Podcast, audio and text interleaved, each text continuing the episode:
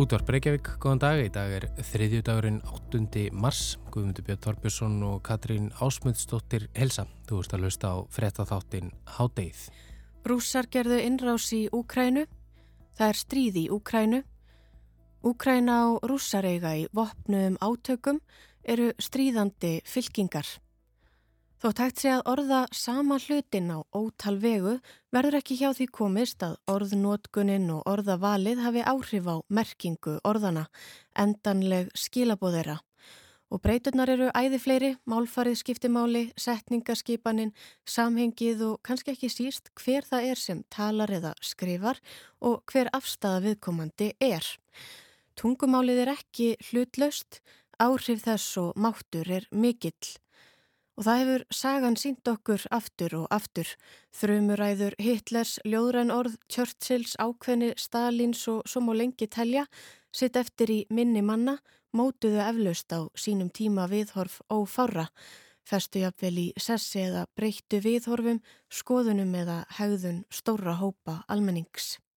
Já, máttur og áhrif tungumálsins er sjaldan ljós og í stríði og það er tilfellið í Úkrænu. Vladimir Putin, Rúslands fósetti ávarpar þjóðsína og heimsbyðina drekki drekk, fórar með meningum sínum og hugmyndum, hugmyndafræði og tilvísunum, söguvísunum sem ekki endilega alltaf er fótur fyrir. Á móti kallar Volodymyr Selenski, fósetti Úkrænu, til heimsbyðarinnar eftir stuðningi á meðan hann stappar stálinu í sitt fólk með sínu hugreistandi og hvetjandi lægi. Á sama tíma greina fjölmilar í sífellu frá nýjum vendingum, alls konar efni kennst í umferð á samfélagsmiðlum og allt stennst ekki skoðun. Það er almennings að reyna að finna út hvað er satt og rétt og hvað ekki. Í síðar hluta þáttarins ræðir Eija Margret Brynjarsdóttir, professor í heimsbyggi við Háskóla Íslands, við okkur um tungumálið, nótkunn þess og áhrif í stríði.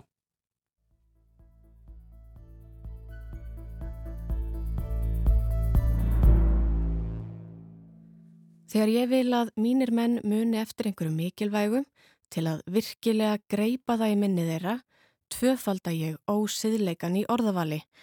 Það hljómar kannski ekki vel í eiru gamalla lítilla kettlinga í tebóði en það hjálpar mínu herliði að muna. Þú getur ekki rekið hér án blótsirða og það þarf að vera fjálglegt bölv og ragn. Hér án blótsirða gæti ekki barið sig út úr þvag blöytum pappisboka. Einhvern veginn svona útskýrði og kannski afsakaði bandaríski hershauðingin George S. Patton málfarsitt og ræðurnar sem ósjaldan fóru rækilega fyrir brjósti á fólki.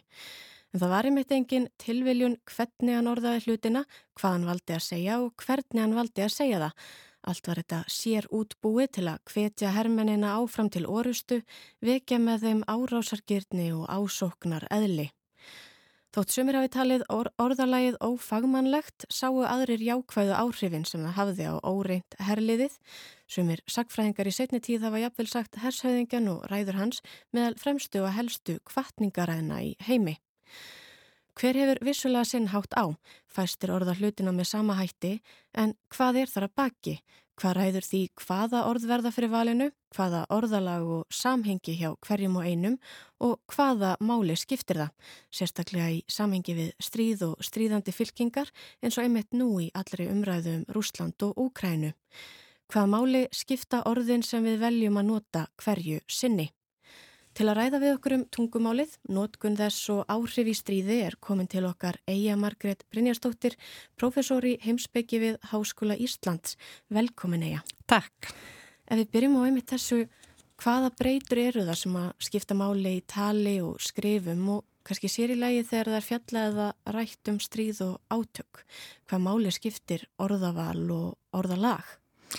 Ég held að skipti bara gríðalegu máli og, og eh, svona hvaða blæ, eh, með að merkingar blæ eh, þau orð hafa sem eru notuð og, og það er náttúrulega kannski svona ímist sleið úr og í, getur maður sagt að það stundum mhm. tekið mjög stert til orða en stundum eru hlutirnir fegraðir með orðum líka og, og hvort tveggja er hægt að að nota í rauninni til þess að hafa áhrif á bara afstöðu fólks og, og, og, já, og skoðanir þannig að ja, þetta er bara mjög mikilvægt Einmitt maður hugsa það, það er hægt að nota þetta uh, kannski svona sér eða sínu málstað í hag og þess að það er en hvað með þegar maður kannski ætlar sér ekki að taka afstöðu? Er tungumálið einhver tíman hlutlust?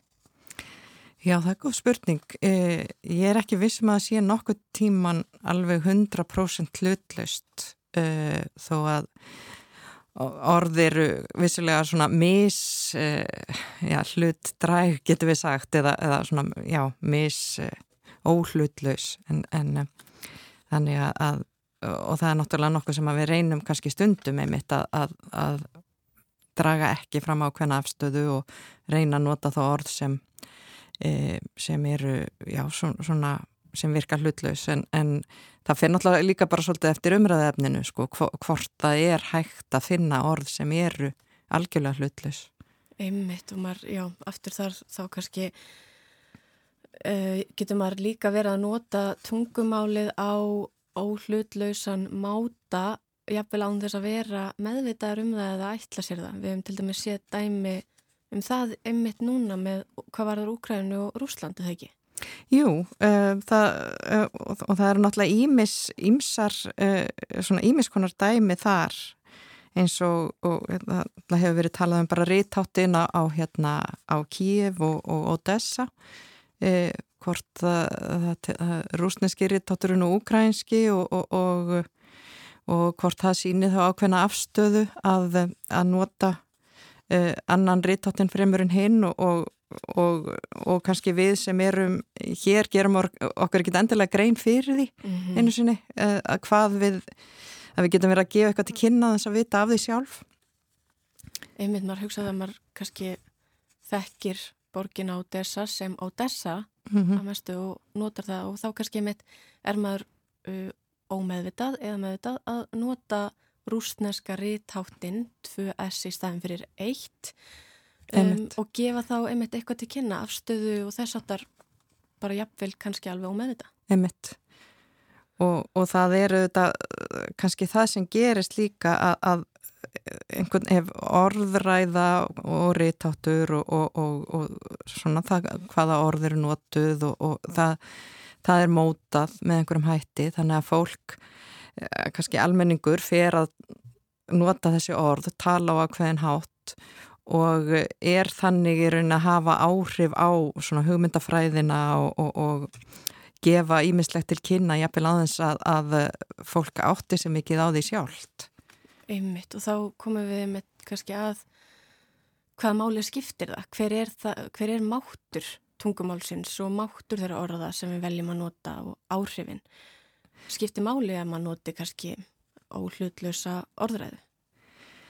Já og, og það getur gert það og, og, og það er náttúrulega eitthvað, er eitthvað sem að sko við erum gjörn á að sko stundum tökum við mjög stert til orða, stundum viljum við einhvern veginn draga úr áhrifum þess sem við erum að segja og notum þá, stundum talaðum veigrunar orð, kannski svona dæmi sem við þekkjum öll er, sko þegar einhver deyr mm -hmm. að þá segjum við gætnan að hann sé látin eða hafi fallið frá eða sé farin af því að það er eitthvað svo sárt að nota orðið hann er dáin og, og þannig að það er svona, það er svona dæmi um veigrunar orð, þar eru við að reyna að svona fegra hlutin eða mí, milda þá.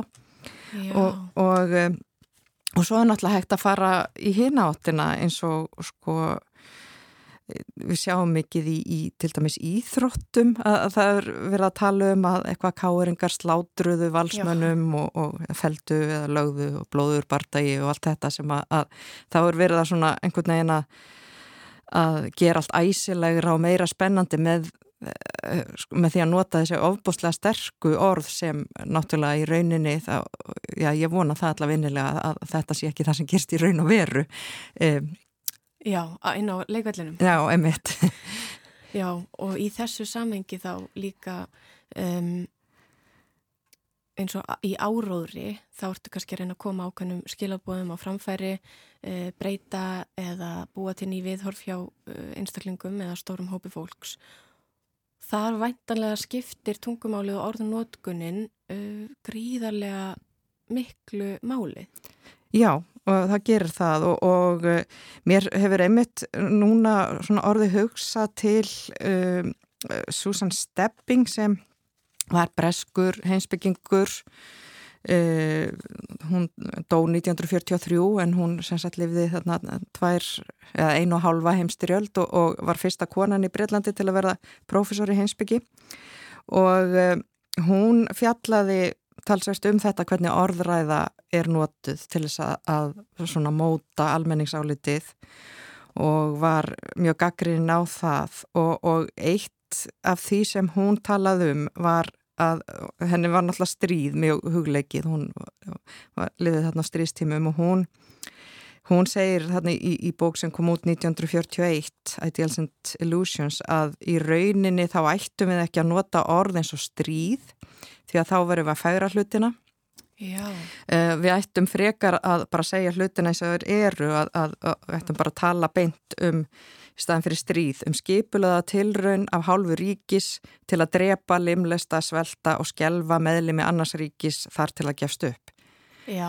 Þannig að hún sem sagt, já, hún vildi meina að, að stríð væri í rauninni svona veirunar orð áhugavert.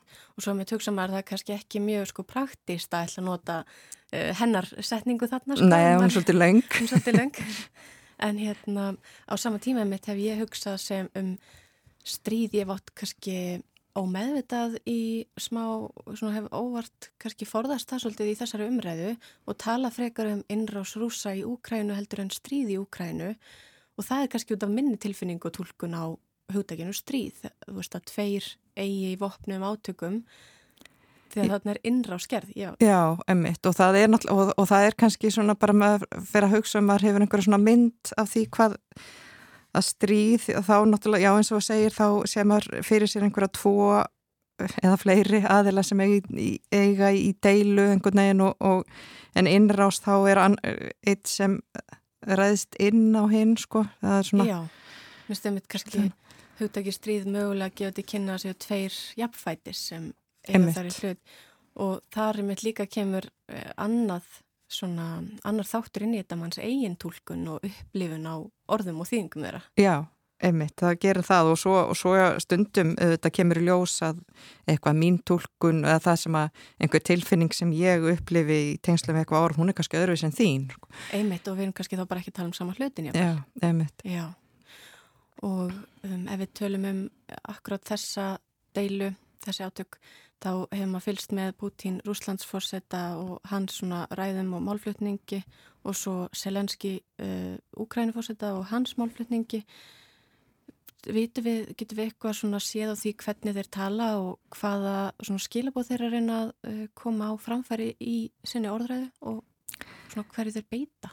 Sko, mér sínist að sko, Pútín til dæmis hafa notað uh, svona ákveðin mjög sterk orð í rauninni sínum svona áróðuri mm -hmm. uh, þegar, þegar hann er að fara að stað og, og, og eins og það að það séu þjóðurnisreinsanir í þarna eh, austurhjörðum Ukrænu og, og að, að það séu nazistar við völd mm -hmm. í Ukrænu. Þetta eru náttúrulega hvort tvekja orð sem að eru mjög sterk og, og, og uh, áhrifamikil og, og þannig að hann notar þetta til að, að réttlæta mm -hmm. innrásina. Og hann kannski uh, áða til að þeim eitt skipta fólki eða hópum í fylkinga líka talum við á móti hinnum vestrænuríkin á móti okkur og svona Já og ég held að það sé nokkuð sem er alltaf gert til þess að réttlæta stríð að, að ef þú ætlar að fara í, í stríð ráðast á annað ríki eða þá, e, þá verður einhvern veginn að vera búin að undibúa jarðvegin heima þannig að, að það sé, sé einhver svona við og hinnir við erum ekki að ráðast á okkur sjálf við erum að ráðast á hinn Já, já. Eh, nú ger ég þér smá óleik þar sem það er ekki langt eftir að þættinum en ef við náum rétt aðeins að snerta á fjölmilum og orðræðu þar mm -hmm. þá skiptir væntalega miklu máli hvað fjölmilar segja og hvernig þeir segja það, hvað er talum, hvað ekki líka. Já, uh, já, ég hérna get svo sannlega tekið undir það og það er náttúrulega eitthvað sem að, að hérna er mikilvægt að hafa í huga og, og, og það er náttúrulega það sem að við svona, náttúrulega heyrt mikið talað um hvernig til dæmis bara fjölmiðla og fréttaflutningur í Rúslandi sé allt af þessu stríði sé allt, allt öðruvísi heldur en til dæmis hjá okkur og, og þannig að, að það er náttúrulega fjölmiðlar eh, geta haft alveg gríðarlega áhrif og, og þá meðal annars með orðavali og, og, og slíku. Akkurat, kærar þakkir fyrir komuna Eija Margret mm. Brynjarsdóttir Takk fyrir mig í heimsbyggi við Háskóli Íslands